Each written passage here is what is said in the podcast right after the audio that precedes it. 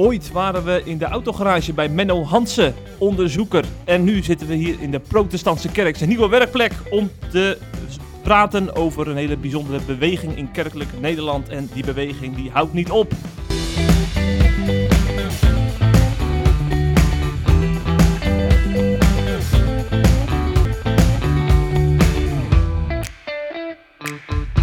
Menno, Ja, we hebben het natuurlijk over de groei van de evangelicale beweging, waar jij veel onderzoek naar gedaan hebt en ook veel over te zeggen hebt. Eh, we gaan eh Mozaïek 0318 eh, doorlichten. Voor de mensen die dat niet weten, dat is een, een kerk bij jou in je woonplek. Hè? Jij woont in Veenendaal. ja, klopt, klopt. Je kunt er niet omheen wat daar allemaal gebeurt. Nee, dat is met Moziek 0318 zo, maar ook met Moziek 033 eh, in Nijkerk. Natuurlijk een tweede filiaal, om het zo te noemen. En eh, nou, we gaan het er later over hebben, maar daar gaan er nog wel een paar aan worden toegevoegd. Zeker weten. Ja, en verspreid over het land ook nog. Dus eh, het is geen regio-kerk, zullen we maar zeggen. Nee, nee. Eh, voor de mensen die denken, ja, waarom gaan we jullie nou op één kerk focussen? Het, staat natuurlijk, het is natuurlijk eigenlijk een metafoor voor een grotere beweging, hè? Eh, waar jij je ook jarenlang in hebt verdiept. Dat is de, namelijk de groei van de evangelicale beweging. Evangelische golf hebben we het wel eens genoemd in een interview. Ja, klopt. Ik, ik vind dat wel belangrijk om ook steeds te benadrukken dat dat wat er nou, in Venendaal met Moziek 0318, in Nijkerk met Moziek 033 gebeurt, dat dat onderdeel is van een veel grotere beweging, namelijk evangelicalisering.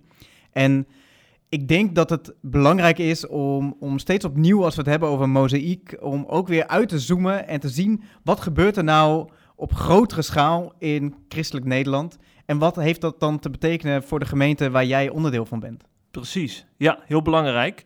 En daarom is het ook relevant voor eh, onze christelijke luisteraars. Hè? Want wie weet komt er in hun omgeving eh, ook wel zo'n kerk te staan. En eh, roept het allerlei vragen op. En dan kan het helpen om die beweging goed te begrijpen wat er nou achter zit. Hè? Ja, en, en als die kerk dus in jouw omgeving er nog niet is, of er misschien nooit gaat komen, dan zul je het vast ervaren in je eigen gemeente. Ja. Dat, dat er een verandering van geloofsbeleving plaatsvindt, in generaties, maar ook tussen generaties, die iets doen met het beeld wat verschillende gemeenteleden hebben van een eredienst, van eh, leiderschap in de kerk, van theologische opvattingen.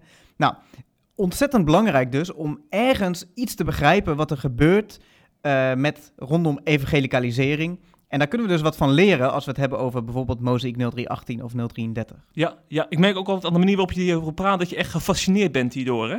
Ja, ook omdat ik geloof dat, dat dit dus echt belangrijk is. Dat we dit in de smiezen moeten hebben. eh, als kerkelijke leiders, maar ook gewoon als kerkgangers. Eh, om ergens iets te begrijpen eh, van wat er gebeurt. En dus niet met een koud hart en een verhit hoofd tegenover elkaar te komen te staan. Ja, want dan gebeurt nog alles. Hè? Van, want onbekend maakt onbemind. En eh dat zou misschien ook wel gemerkt hebben, als, dat, als dan zo'n kerk groeit en, en, en van, van mensen die in een andere kerk hebben gezeten, ja, dan wordt het wel eens tot onbegrip hier en daar, volgens mij.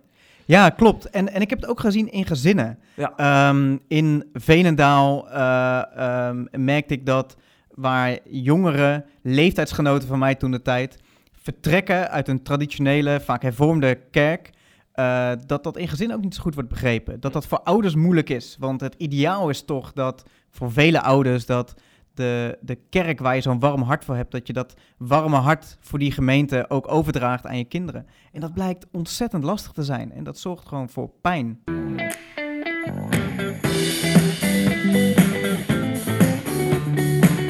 Het laatste nieuws uit christelijk Nederland bespreken we in de CIP-podcast.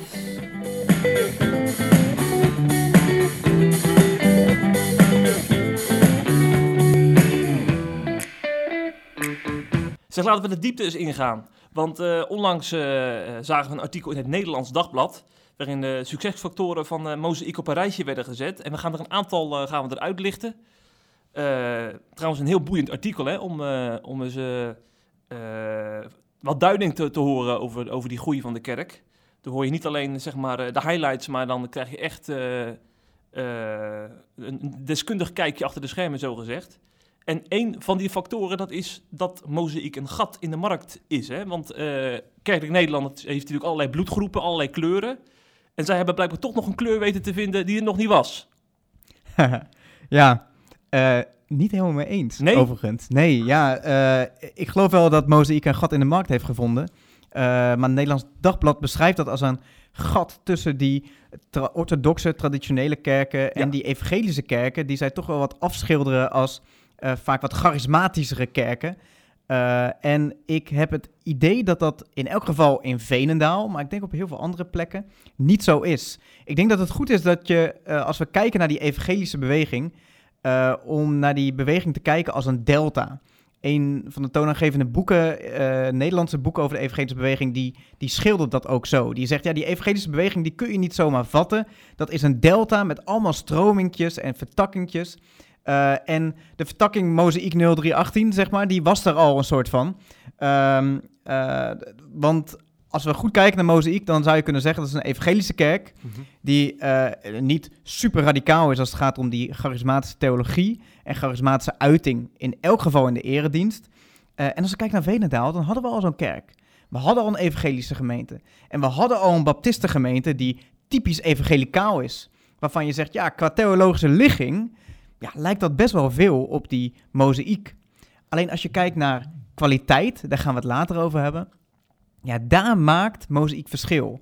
Hm. En ik denk dat als we het hebben over een gat in de markt, dan is dat volgens mij niet per se een gat uh, op de kerkelijke kaart in Venendaal of op andere plekken. Andere plekken kan het anders zijn dan in Venendaal. Maar dan gaat het vooral om een gat uh, als het gaat om kwaliteit en excellentie. Ja, ja dat komt inderdaad zo meteen nog aan bod. Maar dan vind ik het dus wel opvallend dat, en zeker nu in coronatijd, dan hoor ik heel veel mensen die ook gewoon in bestaande kerken zitten, die hoor ik dan zeggen van ja, ik heb zondag weer lekker een dienstje van Mozaïek uh, bekeken op YouTube. En dan gaan ze niet naar een baptistengemeente in Veenendaal met een ander naampje. Nee, ja. nee. Dat is daar dus mee, mee, mee te maken, wat jij zegt. Ja, ja, de, de aantrekkingskracht, uh, denk ik, van Mozaïek zit hem niet per se in dat zij een niche of een gat hebben ja. gevonden in die kerkelijke kaart, maar dat ze mm -hmm. iets hebben gevonden als het gaat om kwaliteit. Dus ja. niet per se om theologische ligging, want daar hadden we er echt al meerdere van die op eenzelfde plek mm. uh, liggen. Ja, we kunnen die er gelijk bij pakken als we het toch over hebben. Uh, want dat is ook een van de succesfactoren die wordt beschreven in het ND. Hè? Kwaliteit staat voorop.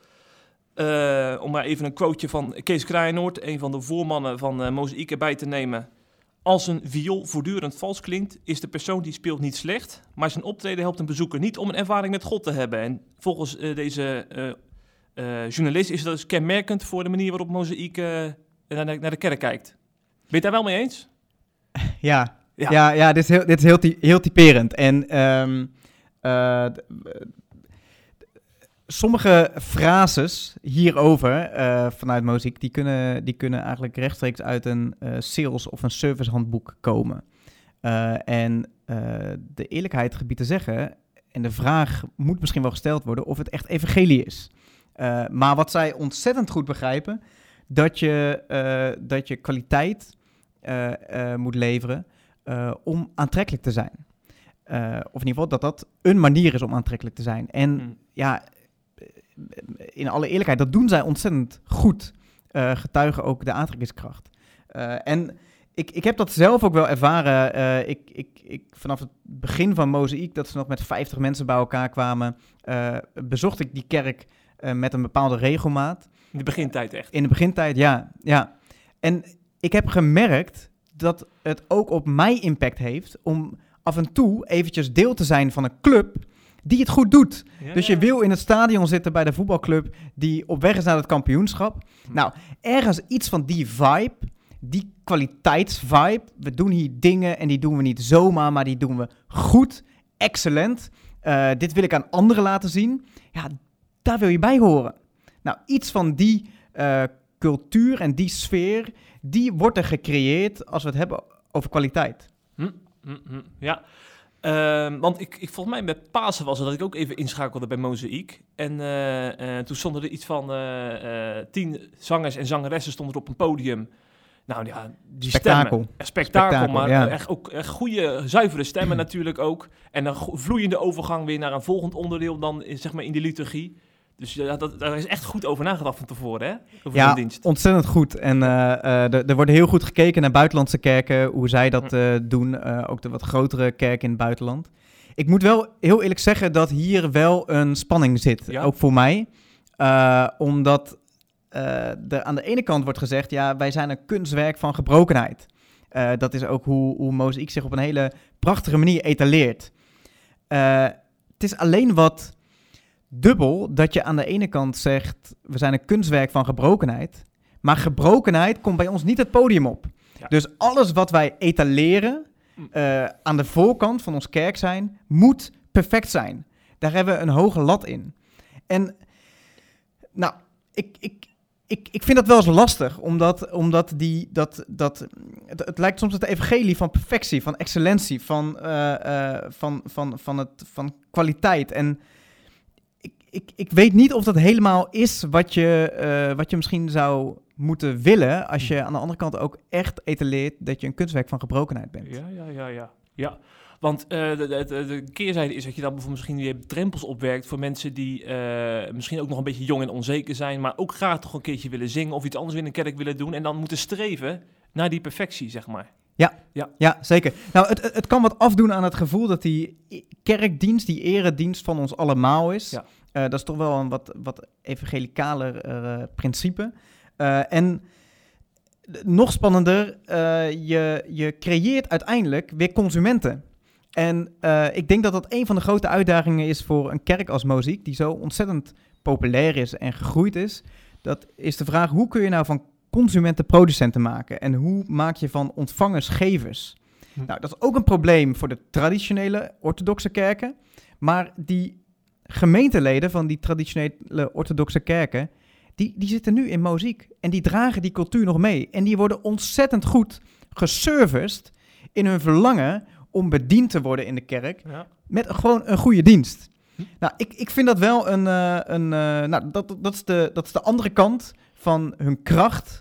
Namelijk de kwaliteit en die perfectie die zij ontzettend goed uitvoeren. En het wordt gewaardeerd in bijvoorbeeld eh, eh, in een talkshow als Bo hè, van RTL, waar onlangs eh, twee voorgangers van Mozaïek waren. Ja, die, die mensen die, die zeg maar, die wereld niet van binnenuit kennen, die vinden het fantastisch om zo'n christelijke popcultuur te zien en ook te, ervaren dan even in zo'n studio. Ja, ja, en dat waren ook de reacties aan tafel Ja. bij die bewuste uitzending bij, bij Bo. Dat er eigenlijk heel positief op werd gereageerd. Dus, Ja. dus dat, dat is een van de, van de krachten van die evangelicale beweging. Is dat ze een kerk weten neer te zetten. En Mozaïek weet dat heel goed neer te zetten. Een kerk die weer aansluit, in elk geval tot op zekere hoogte, Mhm. eh, bij die eh, cultuur en die samenleving waar we in leven. Over aansluiten bij de cultuur gesproken, dan kom je toch al gauw bij de inclusieve boodschap die Mozaïek uitdraagt. Hè?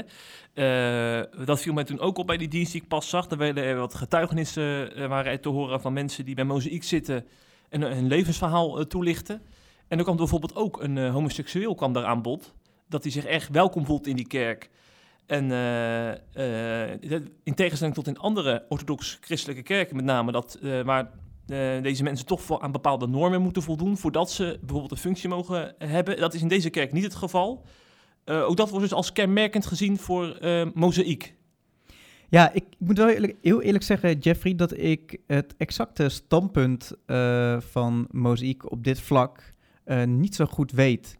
Eh, in de beginfase van Mozaïek 0318 eh, eh, weet ik van iemand die een homoseksuele relatie heeft. En daar zit vaak waar het echt spannend wordt. Ja. Ehm, dus een homoseksuele relatie heeft eh, en niet werd geacht een, in het jeugdwerk een leiderschapsfunctie te hebben. Ehm, dus uiteindelijk is het spannende bij elke orthodoxe kerk, maar ook bij de orthodoxe kerk in de evangelicale wereld, is etaleer je alleen naar de buitenkant dat iedereen welkom is. Maar zit daarachter toch nog ergens een muur waar een homoseksueel of nou, eh, iemand anders eh, uiteindelijk tegenaan gaat lopen? Of ben je inderdaad zo inclusief als dat je van tevoren en aan de voorkant aangeeft? En jij zegt net, ja, bij, bij Moziek 0318 of bij Moziek in het algemeen mogen mensen met een homoseksuele relatie gewoon een, een functie eh, bekleden. Een, een functie waarin ze verantwoordelijkheid hebben over bepaalde zaken. Nou, ik, ik, ik vraag me dat af en ik weet niet of jij dat zeker weet, maar ik weet het in elk geval niet zeker. Nee, ik denk dat in dit geval niet het geval is, maar je ziet wel dat er in ontwikkeling is. Hè. Zoals Linda Troost is nou voorganger geworden, volgens mij vorig jaar nog maar, eh, als vrouw. Dat is denk ik al eh, misschien een wat veiligere keuze, maar wel het beginpunt van zo'n ontwikkeling. Waarbij ook die groep dan waarschijnlijk ook dadelijk meer een gezicht van Mozaïek kan gaan worden. Ik zie, ik zie wel dat daar heel anders over gesproken wordt dan in de begintijd van Mozaïek daar. Ja. Over die groep. Ja, Dat, dat zou goed kunnen. Ik, Ja. ik vind het lastig Ja. om te taxeren. Vooral ook omdat het uiteindelijk eh, gaat om wanneer wordt het nou echt spannend. Ja. En wanneer... eh, eh, ik, ik vind het heel mooi en heel knap dat ze zeggen... ontmoeting gaat voor standpunten. Volgens mij, eh, volgens mij nou ja, daar mogen we als kerken echt wat voor, van leren. Maar uiteindelijk wordt het spannend als die ontmoeting is geweest... en we uiteindelijk toch bij standpunten terechtkomen. Waar sta je dan? Mhm. En waar zet je de grenzen? Ja. Waar zet je het hek? Ja, ja. Eh, nou, ook bij muziek vind ik dat spannend. En als het gaat om, eh, nou, je noemde een Linde Troost. Eh, Inderdaad, in heel veel orthodoxe kerken is dat lastiger. Zou dat niet Mhm. snel gebeuren. En ik zie daarin inderdaad wel een beweging die in elk geval op dit vlak ehm, voor vrouwen die dit ambiëren ten positieve is. Ja, ja, ja. Nou, om, om dat eventjes met een anekdote te kernschetsen. eh Mozaïek krijgt natuurlijk ook binnenkort een kerk in Amsterdam, hè? Am- eh, Zuid, Zuidoost. Mozaïek 020 wordt dat dan natuurlijk. Ja. En de voorganger van die kerk, dat wordt een, een, een voormalig baptistenvoorganger... Die, die een boek schreef over vrouwelijk leiderschap... die daar best wel is, in, op, is, in opgeschoven is. Dus heel erg progressiever is gaan denken erover. En dat ligt heel erg gevoelig in de baptistenkerken. En, eh, en hij is nou bij die kerk weg en gaat dus nu Mozaïek starten. Dus dan denk ik van, eh, dat, ook dat soort ontwikkelingen geven het dan wel aan... dat Mozaïek wat vrijer in dit soort thema's staat dan eh, heel veel andere kerken Ja, op de landkaart. Ja, ja al zie je bijvoorbeeld bij bijvoorbeeld de grote opwekkingsconferentie, wat toch wel een soort bakermat is van Evangelisch Nederland, eh, dat het daar ook al geaccepteerd was als Ja. een vrouw op het podium stond. Ja, ja, Eh, ja. Maar je hebt gelijk eh, dat eh, zeker in bepaalde denominaties binnen die evangelische wereld, dit, ook dat nog zeer nou ja, moeilijk ligt en lag. Ja. Dus dit, dit kenmerk is dus eigenlijk in ontwikkeling. Dus we kunnen nog niet echt zeggen dat dit ook echt zwart op wit staat. Hè? Die inclusieve boodschap die zij dan. Ja, nou, al, al, al verspreidt ze die zeker, zeg maar. Dus aan Ja. de voorkant is dat zeker zo. Alleen het wordt pas spannend Mhm. aan de achterkant. Ja, ja. We gaan dat volgen hoe ze daar eh, mee omgaan de komende jaren. Eh, nog een ander punt, Menno, dat is ook wel een hele belangrijke. Ook in eh, veel orthodox-christelijke kerken is het echt een gevoelig punt. Aandacht voor jongeren. Want Mo- Mozaïek speelt er echt bewust op in, hè? Door gebruik te maken van social media. Ze verwijzen voortdurend naar een Instagram-pagina. Ehm, ze willen echt die jongeren ook bij, eh, de kerk betrekken. Het is niet zo dat je dan, eh, dat je dan echt eh, onzichtbaar blijft op de achtergrond actief bent. En vervolgens als je, als je pas kinderen hebt, dat je dan in een mozaïekkerk eh, eh, dienst kan fungeren of zoiets dergelijks. Wat je vaak, veel, vind ik, in traditionele kerken wel ziet. Heel veel hoeveel ouderlingen zijn niet boven de 40 of de 50. Eh, dat is dus ook wel een sterk punt van mozaïek. Ja, die, die aandacht van jongeren eh, voor jongeren is denk ik echt eh, een, een ontzettend sterk punt. En ook iets wat ze heel belangrijk vinden. En ik zag het werken, ook in mijn omgeving. Dus ik zag dat eh, kinderen naar, de, naar muziek toe gingen Ja. en gaan. en dat ouders volgden. Eerst het interesse, waar gaan mijn kinderen eigenlijk naartoe? En daarna omdat ze dat zelf ook wel een hele prettige plek vonden voor henzelf. Of dat ze het belangrijk vonden om als gezin naar de kerk te kunnen gaan. Dus dat, dat is een ontzettend belangrijk iets van Mozaïek 0318 en 033. En ook vanuit mijn onderzoek kwam dit steeds terug, is dat uiteindelijk generaties, tieners, twintigers, dertigers, die, die willen een kerk die aansluit bij die samenleving. Op het moment die, die evangelicale wereld, die kijkt op een hele andere manier naar die samenleving. Het is niet wij, zij, het is niet, het is niet kerk eh, tegen de wereld. Eh, maar dat is veel, loopt veel meer in elkaar over. Nou, en op het moment dat je dat gelooft en dat je zo naar die kerk en die wereld kijkt, niet als iets wat tegenover elkaar staat, dan is het natuurlijk ook veel logischer om te zeggen, ja, maar die kerk moet dus ook gewoon onderdeel zijn van die samenleving. En de vormen en de, de, de waarden overnemen die ook in die samenleving eh, dominant zijn. En, nou, en zo krijg je een, een kerk die ook veel meer gaat aansluiten bij die belevingswereld waar jongeren in zitten. Hm. Omdat dat gewoon kan, gewoon geaccepteerd is. Zie je dat ook terug bijvoorbeeld in, eh, in preken, dat ze de taal van jongeren echt, echt eh, bewust proberen te, te spreken? Ja. Voorgangers, ja. Ja, nou, een- een belangrijk ding is, eh, dat, dat zal eh, ik weet dat we vorig jaar volgens mij een podcast opnamen met, met Sander. Ja, jouw vriend. Eh, ja. eh, een, inderdaad, een vriend van mij die, die vanuit een hervormde gemeente naar Mozaïek toe ging. En, en toen zei ik het volgende ook. En ik vind het altijd belangrijk om het verschil aan te geven rondom preken. Eh, tussen de evangelicale wereld en de meer orthodoxe traditionele wereld. Eh, dat is dat een, een, een predikant die in die orthodoxe traditionele kerk voorgaat, gaat bedenken, wat wil ik mijn gemeente leren over God? En die evangelicale voorganger die gaat bedenken, wat ga ik mijn gemeente laten ervaren van God? Nou, ik denk dat dat ontzettend goed aansluit bij jongeren. Want uiteindelijk uh, is de samenleving waarin die jongeren ademen en die cultuur die zij, waar zij zich in rondbewegen, is een belevingscultuur. En die belevingscultuur, ja, daar worden ze uh, veel meer in bediend uh, in die evangelicale kerken zoals muziek. Hm, hm, hm. Ja, en uh, heb je ook altijd die mensen die dan zeggen van ja, uiteindelijk uh, is dan het helland vlak liggen op de loer. Hè? Van dan ga je voortdurend zo aanpassen aan die jongeren dat dat gevoel zo'n grote rol krijgt. En dat dan de, de normen en waarden die God, Gods woord hoog houdt, dat die dan een beetje naar de achtergrond verdwijnen.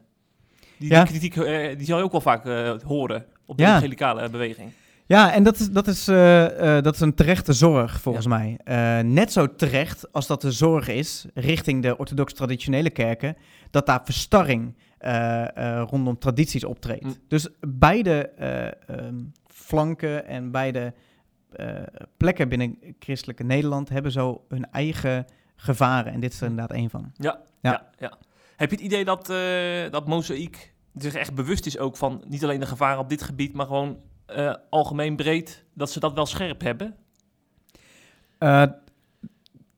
ik, ik ben geen onderdeel natuurlijk van die gemeente en ik, ik bezoek met bepaalde regelmaat uh, de gemeente. Um, mijn idee is dat, dat het een reflectieve club is. Oh, ja. Uh, ja, dat is belangrijk. Ja. Komt misschien ook dat, dat het leiderschap ook best wel ver, uh, verspreid is hè, over meerdere personen. Dat er niet één man die, die ja. bepaalt, die voor het zeggen heeft. Nee, klopt, klopt. Ja. ja. Uh, maar goed, nogmaals, dat is mijn indruk. Mm. Uh, um, nou ja, voor wat die waard is. Ja, het zou mooi zijn als we eens een keer een podcast kunnen maken met Kees Krijno bijvoorbeeld. Hè? Dan kunnen we dat, dit soort dingen ook eens aan hem vragen hoe ze hierin staan. Ja, ja. ja. Uh, ik, ik heb een keer gesproken en toen hadden we het inderdaad over muziek en uh, uh, ook wel de moeite die dat veroorzaakt in Veenendaal. Het is alweer even geleden dat we dat gesprek hadden. En een van de dingen die hij zei, hij zei ja maar Menno, elke generatie heeft het recht om haar eigen kerk te starten. Nou, en dat, dat, dat geeft ook wel ontzettend mooi aan. En dat is typerend voor die evangelicale beweging, die dit ook echt zo ziet als uh, niet dat de kerk iets is wat je van je voorouders meekrijgt. Uh, wat heel waardevol kan zijn. En dat zullen ze ook meteen erkennen. Maar ook als iets waarvan je uh, het recht hebt om ook gewoon daarin je eigen geloofsgemeenschap, gemeente, te starten. Hm. En dat zegt natuurlijk iets over de manier waarop je naar die kerk, toe, naar die kerk kijkt. Hm. Dan laten we ons laatste blokje nog even de stofzuigerkerk naar boven halen. Want dat is natuurlijk een term die een beetje ingeburgerd is geraakt. Uh, mozaïek zou vissen in andere vijvers en uh, stof opzuigen uit, uit, andere kerken, zo gezegd. En ja, dat zie je natuurlijk ook tot uiting komen in wie uiteindelijk bij die kerk aansluit. Hè. Dat zijn ook vaak inderdaad gezinnen uit de vormde kerken, andere evangelische kerken. En, uh, uh, en dan wordt gezegd, het is wel heel makkelijk om op die manier uh, de snel groeiende kerk van Nederland te zijn. hebben we het al eerder ook over gehad, maar het is eigenlijk weer opnieuw actueel geworden, omdat onlangs werd aangekondigd dat er zeven nieuwe gemeenten komen. En wat valt er dan op? Die gemeenten komen ook te staan in plekken als Rijssen en in Apeldoorn, waar behoorlijk al wat kerken zijn. Met name in Rijssen, het is echt een christelijk bolwerk. Uh, maar gelukkig ook in Almere. Daar is volgens mij nog niet eens 3% uh, eh, kerkelijk. Amsterdam en Rotterdam natuurlijk, de grote steden. Nou, daar mogen wat mij betreft uh, elke week wel een kerk bij komen. wat valt voor jou eigenlijk op aan, aan die, die plekken die er dan bij gaan komen, waar mozaïekkerken gaan starten? Ja, ik, ik kan me niet aan de indruk onttrekken en ik zou daar, daar wel benieuwd naar zijn wat ze daar vanuit muziek op zouden zeggen. Um, dat hier ook wel bewust voor is gekozen om... Uh, niet alleen maar de plekken te doen uh, waar al veel kerken zijn, maar daarnaast ook uh, plekken te kiezen mm -hmm. waar dat nog niet zo is. En um, ze hebben groei doordat er op verschillende plaatsen veel gemeenteleden naar Veenendaal of naar Nijkerk toe komen. en nou, dat, dat is een hele pragmatische, organische groei, want daar, daar, zit, daar zit eigenlijk al een deel van je kerk. Eh, en nou, ik denk een aantal plekken eh, waarvan ze nu hebben aangegeven, daar gaan we een mozaïekkerk starten, eh, zijn vanuit daar ontstaan. Mhm. Maar ik vind het, of kan me niet aan de indruk onttrekken dat daarnaast inderdaad eh, plekken zijn gekozen waar die kerk nog niet groot is, waar er weinig christenen zijn, dat ze bewust daarvan hebben gezegd, ja, maar en hier willen wij ook present zijn. En hier willen wij ook een plek, een mozaïekplek creëren. Dus ik heb het idee dat, dat ze op die manier eh, ervoor hebben gekozen, voor uitbreiding hebben gekozen. Aan de ene kant organisch, pragmatisch. Gemeenteleden wonen, werken eh, en zijn er al in bepaalde plaatsen. En aan de andere kant op plekken waar dat niet zo is, of minder. Ja, ja. Eigenlijk als je, als je een, beetje eh, vanuit bedrijfsdenken daar naartoe kijkt, hè, vraag aanbod, dan is er eigenlijk wel best wel veel eh, vraag naar eh mozaïekachtige kerken. Waar ze op inspelen vervolgens. Ja, in, in bepaalde plaatsen is dat zo, ja. En eh, het, het mooie is dat die vraag al, eh, zeg maar, wordt geledigd Mhm. eh, in de twee kerken die er tot nu toe zijn. Ja, ja, ja. Ehm, vind, je- vind jij, of ja, ik ga je nou een beetje je mening vragen, maar misschien kun je ook dat aan de hand doen van wat je allemaal hoort in Veenendaal. Heb je nou het idee dat dat, dat zeg maar, dat het niet gewoon wordt ge- gewaardeerd, dat, er kerken wordt gestart, bijvoorbeeld in Katwijk, in Rijssen, in Apeldoorn, dat eh, dat, dat ook bij, bij christenen in die omgeving, of in Veenendaal zelf misschien wel, dat tot gefr- gefronste wenkbrauwen leidt van eh, eh, concurrentiedrang. Hm. Ja, ja, uiteraard. En ehm, misschien, misschien is het goed om te zeggen dat dat heel begrijpelijk is. Want je zou maar in een kerk zitten die opeens eh, eh, een deel verliest aan zo'n nieuwe kerk. Ja, daar ben je niet, niet blij mee eh, in eerste instantie. Ehm, dus ja, dat zal zeker tot gefron- gefronste wenkbrauwen leiden. Ehm, ja, onvermijdelijk. Ja, ja. Maar ik vind dat altijd lastig, hè? Want ik, ik kan me voorstellen, als muziek kun je ook niet zeggen van... ja, als we daar nou rekening mee gaan houden... dan kunnen we op een gegeven moment helemaal niks. Eh, je, wilt natuurlijk ook op een gegeven moment je droom waarmaken... en eh, eh, je, je sterke kant laten zien. En misschien juist aanvullend ergens in een plek terechtkomen. En die kerken misschien ook wel een boost geven op die manier. Het kan juist ook misschien wel die kerken goed doen om, om een, een smaakje bij te krijgen, zo gezegd. Houd dan ook weer scherp. Ja, Ehm, dat, dat zou eh, het mooiste effect zijn wat er zou kunnen gebeuren op het moment dat een muziekkerk eh, in een bepaalde plaats komt.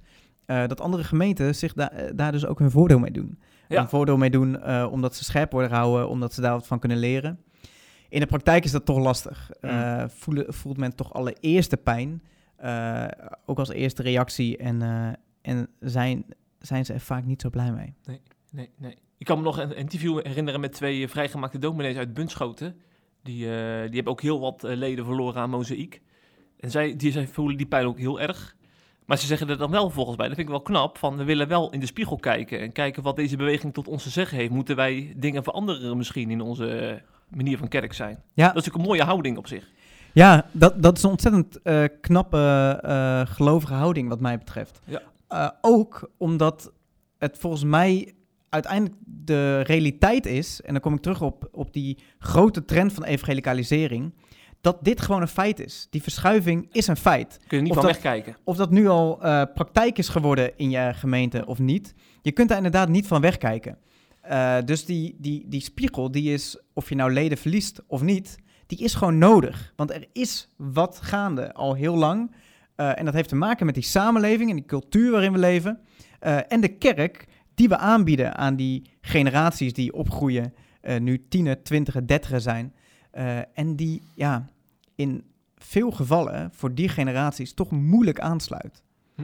Nou, ik zie wat dat betreft Mozaïek en andere gemeentes die een poging doen om die aansluiting te vinden, ehm, eh, als, als kerken die, die daarin ehm, pionieren, zoeken, om toch die generaties ook te bedienen met een gemeenschap, met het evangelie van Jezus Christus. Hm, hm.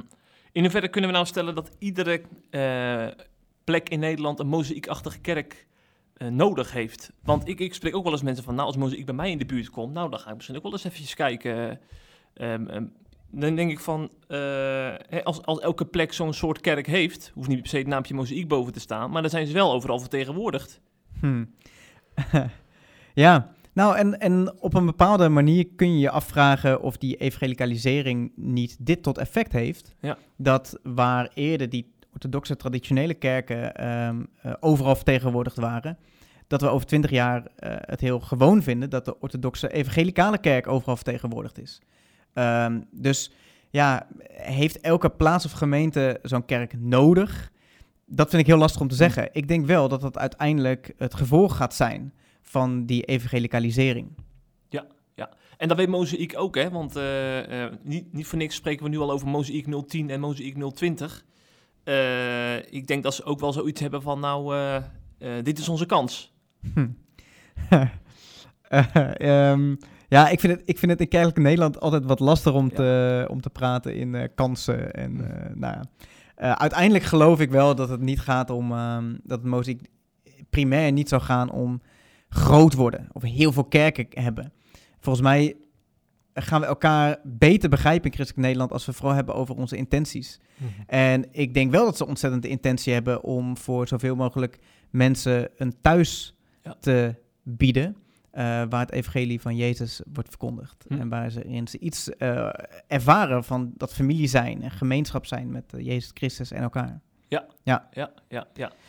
En ehm, eh, dan hoor ik ook altijd eh, in discussies hoor ik zeggen van... eh, ga eens een keertje naar Zuid-Limburg of naar Noord-Brabant of naar de kop van Noord-Holland.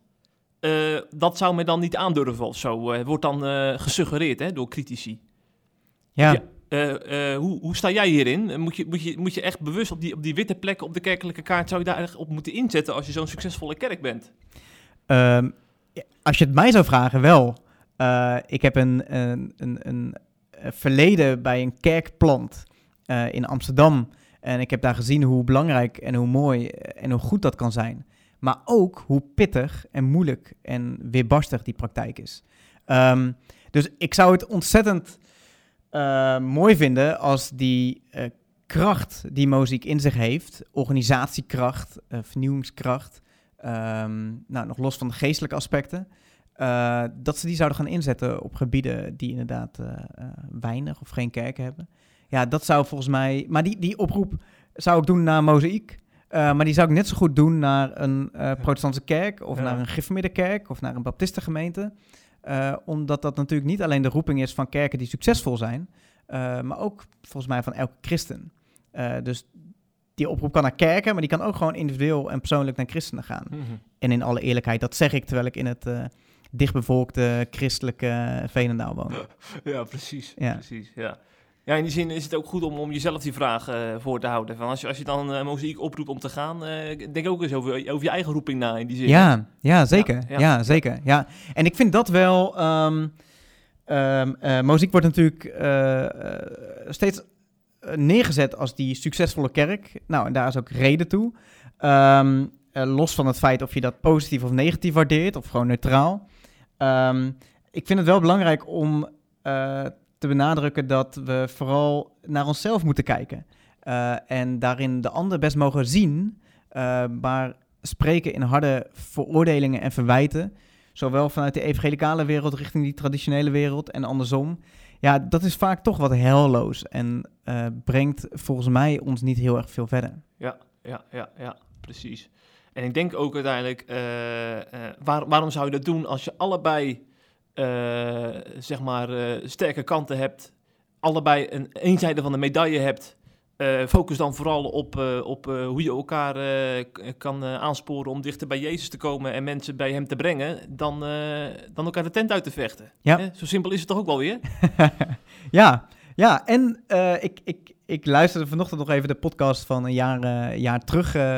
Eh, Oh ja, eh, met Sander. Die, die- met Sander, eh, Ja. die we hebben gemaakt.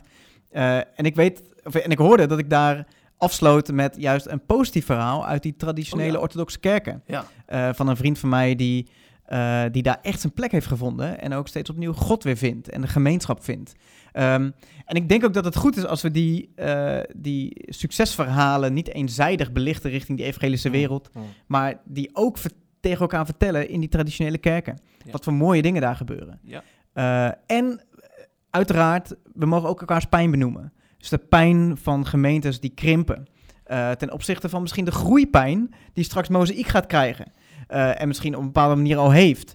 Dus het, het, het zou zo mooi zijn als we leren om je te verblijden in elkaars succes. En verdrietig te zijn over elkaars pijn en misstappen. Eh, in plaats van dat we vanaf de zijkant eh, balen van het succes van de ander. eh, en in ons vuistje lachen Hmm. bij de, de, de, de, de tegenslag Ja. van de ander. Ja, ja, ja, ja. Wat wel mijn, mijn, mijn verlangen is, is dat... we hebben natuurlijk nou een tijdje geleden die incidenten in Krimpen aan de IJssel en Urk gehad, hè, met die geweldsincidenten bij, bij kerken. En daar heeft dan half Nederland het over. Maar wat zou het mooi zijn als half Nederland dus over die, die, die groei van de evangelicale beweging gaat praten, hè? Dat zou toch, dat zou toch leuk zijn? Als dat er zo op gaat vallen daar. Ja, ja, maar eh, eh, als we het hebben over evangelicalisering en het Ja. succes misschien wel van die evangelische, evangelicale beweging, eh, dan gebiedt de eerlijkheid ook wel te zeggen dat, de, eh, dat, dat er ook nog een ander proces gaande is in Nederland. En dat is gewoon het proces van secularisering. Ja, ja.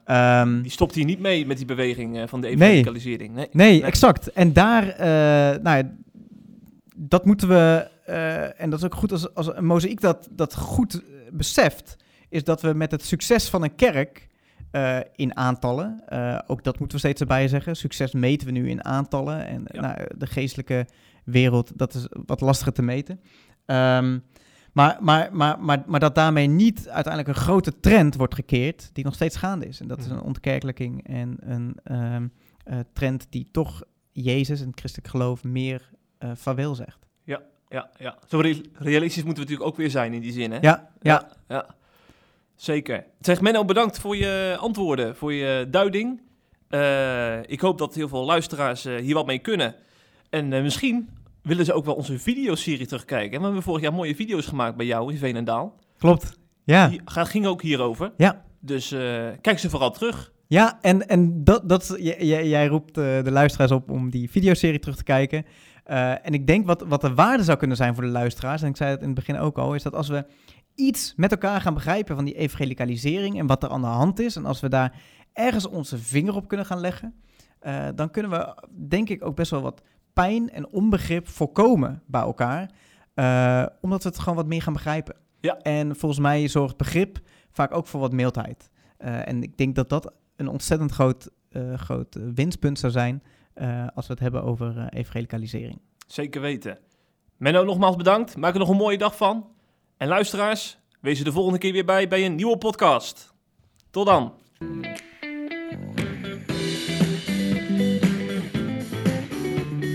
Je naar de CIP-podcast. Volgende week weer een nieuwe aflevering.